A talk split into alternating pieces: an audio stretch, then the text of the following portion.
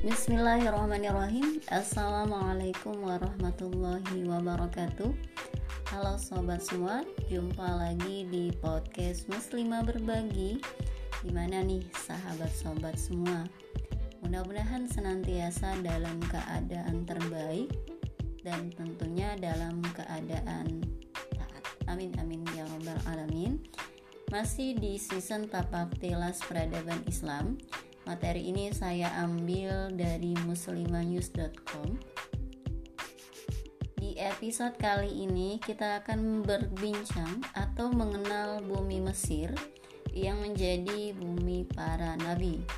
Tentu saja kota Mesir adalah kota yang banyak sekali didatangi karena menjadi pusat keilmuan.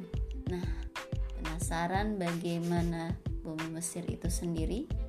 Yuk simak podcast ini hingga selesai.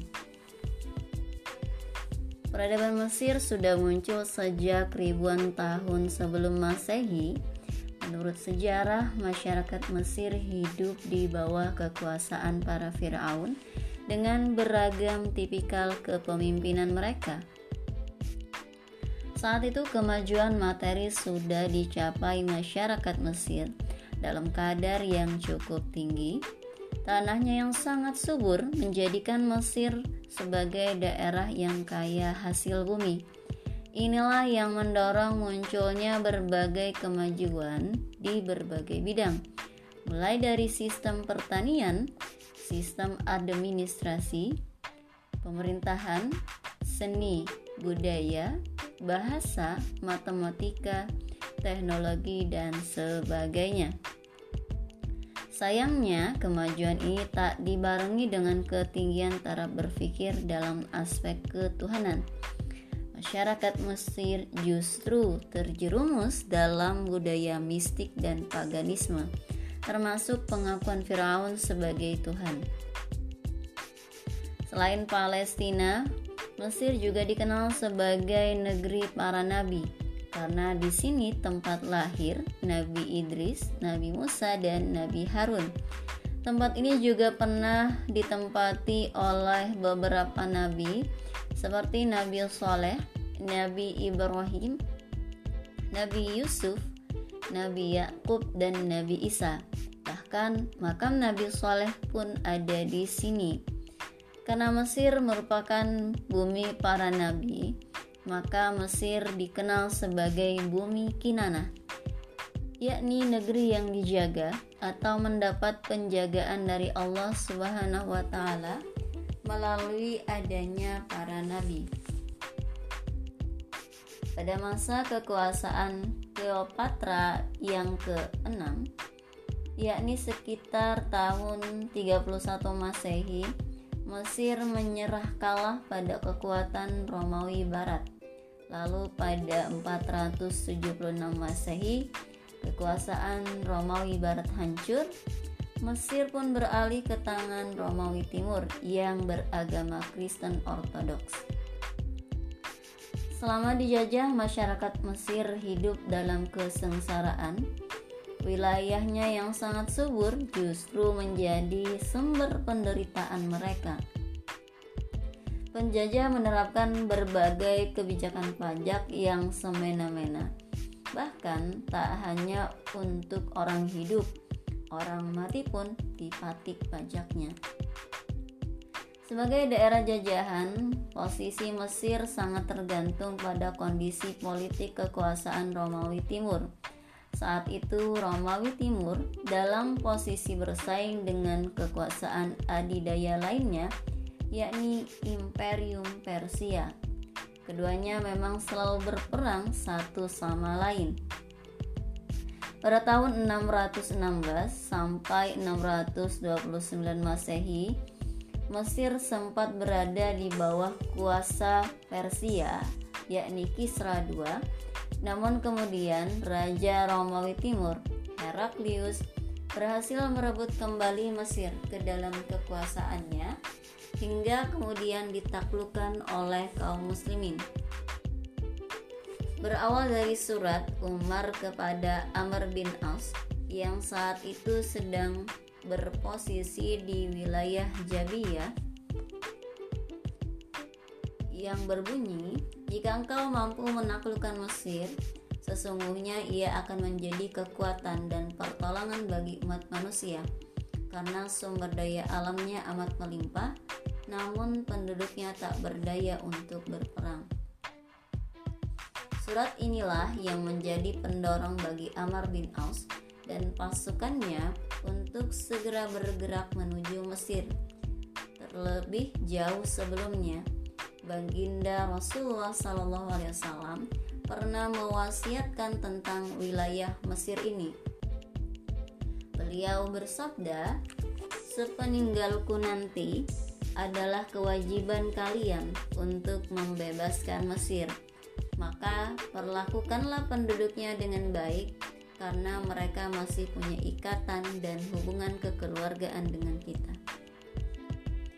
Misi pembukaan Mesir sendiri sebetulnya dimulai saat misi penaklukan wilayah Syam dari kekuasaan Romawi dan Irak dari kekuasaan Persia sedang berlangsung. Saat itu pasukan yang dikomandoi Amr bin Aus merupakan salah satu pasukan yang diminta memperkuat pasukan Khalid bin Walid dalam misi penaklukan Syam. Namun, misi penaklukan Irak justru berhasil lebih dahulu. Tak perlu waktu lama, daerah ini direbut dari kekuasaan Persia. Diawali misi penaklukan Khalid bin Walid tahun 633 Masehi hingga takluk seluruhnya oleh pasukan Sa'ad bin Abi Waqqas pada tahun 636 Masehi. Sementara itu, misi penaklukan wilayah Syam dimulai tahun 634 Masehi atas perintah Khalifah Abu Bakar dan dilanjutkan oleh Khalifah Umar. Ada beberapa pasukan yang dikirim, termasuk pasukan yang dikomandoi Khalid bin Walid. Wilayah ini akhirnya bisa dibebaskan seluruhnya dari kekuasaan Romawi Timur tahun 640 Masehi. Saat detik-detik penaklukan Syam seluruhnya berhasil. Amr bin As mulai mengerahkan pasukan ke wilayah Mesir. Hal ini dikarenakan wilayah Mesir masih dalam cengkraman Romawi Timur, padahal posisinya sangat strategis bagi dakwah dan kekuasaan Islam. Khalifah dan para komandannya memahami betul bahwa jika Mesir bisa ditaklukkan, sumber kekuatan Imperium Romawi di kawasan Mediterania akan dipotong. Itu berarti wilayah Jazirah Arab akan terlindung dari serangan Romawi sewaktu-waktu. Bahkan, Penaklukan Mesir akan menjadi pintu pembuka penyebaran dakwah Islam ke wilayah Eropa dan dunia pada umumnya. Penaklukan wilayah Mesir ini memang terbilang cukup sulit. Pasukan Amr bin As harus menghadapi taktik perang gerilya pasukan Romawi yang sering bersembunyi di balik di balik benteng Babylon yang dikenal sangat tangguh sampai-sampai banyak pasukan beliau yang gugur dalam misi yang cukup alot ini. Hingga pada tahun 640 Masehi, Khalifah Umar mengirim beberapa pasukan tambahan di bawah kepemimpinan para sahabat yang tak kalah hebat. Mereka adalah pasukan Zubair bin Awam, Ubadah bin Samit, Miqdad bin Aswad. Maslamah bin Mukhallad dan Khorjan bin Khuzafah radhiyallahu anhum. Mereka bergabung untuk berperang di bawah komando Amr bin Aus. Memang dan dengan datangnya pasukan tambahan ini akhirnya berbuah baik. Terlebih saat itu Amr bin Aus menerapkan taktik perang yang sangat cerdik. Alhasil pasukan Romawi dengan mudah bisa dihancurkan dan seluruh wilayah Mesir akhirnya ditaklukkan. Amr bin As pun diangkat sebagai wali bagi Khalifah Umar. Saat pasukan muslim datang, ada tiga tawaran yang diajukan pasukan Amr bin As, yaitu menerima Islam, membayar jizyah, atau memilih berperang. Ternyata Mesir memilih berperang. Namun, meski masuk dalam kekuasaan Islam melalui perang, penduduk Mesir akhirnya memilih Islam sebagai keyakinan dan jalan hidup mereka. Pelan tapi pasti, masyarakat Mesir mampu meraih kemuliaan hakikinya di bawah naungan kepemimpinan Islam. Di bawah kekuasaan Islam, mereka diperlakukan sama dengan kaum muslimin yang lainnya. Bahkan posisi mereka setara dengan kaum muslimin yang hidup di pusat daulah khilafah di Madinah setara pula dengan mereka yang masuk Islam tanpa perang. Terlepas dari pergantian dinasti-dinasti kekuasaan Islam, Mesir pada masa-masa selanjutnya mampu tampil sebagai salah satu pusat peradaban. Di antaranya yang terkenal adalah tampilnya kota baru bernama Kairo atau Al-Qahirah pada 696 600 pada tahun 969 Masehi. Pada masa dinasti Fatimiyah, kota ini dijadikan sebagai pusat kekuasaan. Kota ini pun dikenal sebagai salah satu kota modern yang dikelilingi benteng tangguh dan fasilitas umum yang memadai. Sekaligus sebagai kota pendidikan yang ditandai dengan berdirinya Universitas Al-Azhar yang terkenal dari zaman ke zaman hingga sekarang. Saat dimulainya era penjajahan Eropa atas Afrika, jauh sebelum khilafah berakhir, runtuh pada 1924 Masehi, wilayah Mesir sudah menjadi sasaran konspirasi Inggris untuk dipisahkan dari kekuasaan Islam yang kala itu dipegang dinasti Utsmani dan berpusat di Turki. Inggris mendapat peluang itu dari lemahnya hubungan penguasa wilayah Mesir yang rakus akan kekuasaan dengan pusat pemerintahan Islam. Maka mulai melalui perang Inggris Mesir pada tahun 1882 Masehi, jatuhlah Mesir sebagai daerah jajahan Inggris Hal ini terus berlangsung hingga Mesir dimerdekakan pada 1952 Masehi. Tentu saja sudah dalam kondisi jauh dari Islam. Bahkan negara baru ini berdiri atas dasar konsep kebangsaan dengan menjadikan paham sekularisme, sosialisme, dan kapitalisme sebagai asas kekuasaan maka rezim demi rezim pun silih berganti memimpin rakyat hingga sekarang.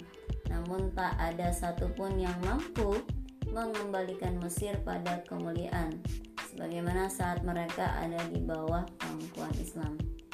Mesir menjadi negeri muslim yang rentan konflik dan tak memiliki posisi internasional selain menjadi pengekor peradaban barat hingga untuk kasus pendudukan Israel atas Palestina pun Mesir justru bergandengan tangan dengan Barat mendukung pendudukan melalui sikap diam dan pura-pura netral. Sejatinya di mata Islam, Mesir adalah sebuah harapan.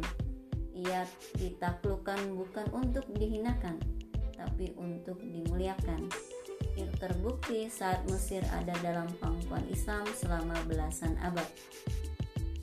Mesir, sebagaimana negeri muslim lainnya, akan tetap dalam posisi terjajah jika masih enggan mengambil Islam sebagai sistem kehidupan. Sekularisme dan nasionalisme yang mereka kukuhi akan menjadi faktor pelemah yang terus memecah belah kekuatan sudah saatnya kaum muslim Mesir dan di negeri lain berjuang bersama mengembalikan sistem politik Islam yakni sebagai sebuah sistem yang menyatukan seluruh potensi kekuatan Islam di bawah satu kepemimpinan. Dengan cara itulah umat Islam bisa kembali tampil sebagai satu kekuatan, terbaik yang mampu menghancurkan berbagai bentuk kekufuran termasuk hegemoni kapitalisme global. Wallahu alam bisawab. Demikian podcast muslimah berbagi hari ini. Salah hilap mohon maaf. Jumpa lagi di episode selanjutnya. Assalamualaikum warahmatullahi wabarakatuh.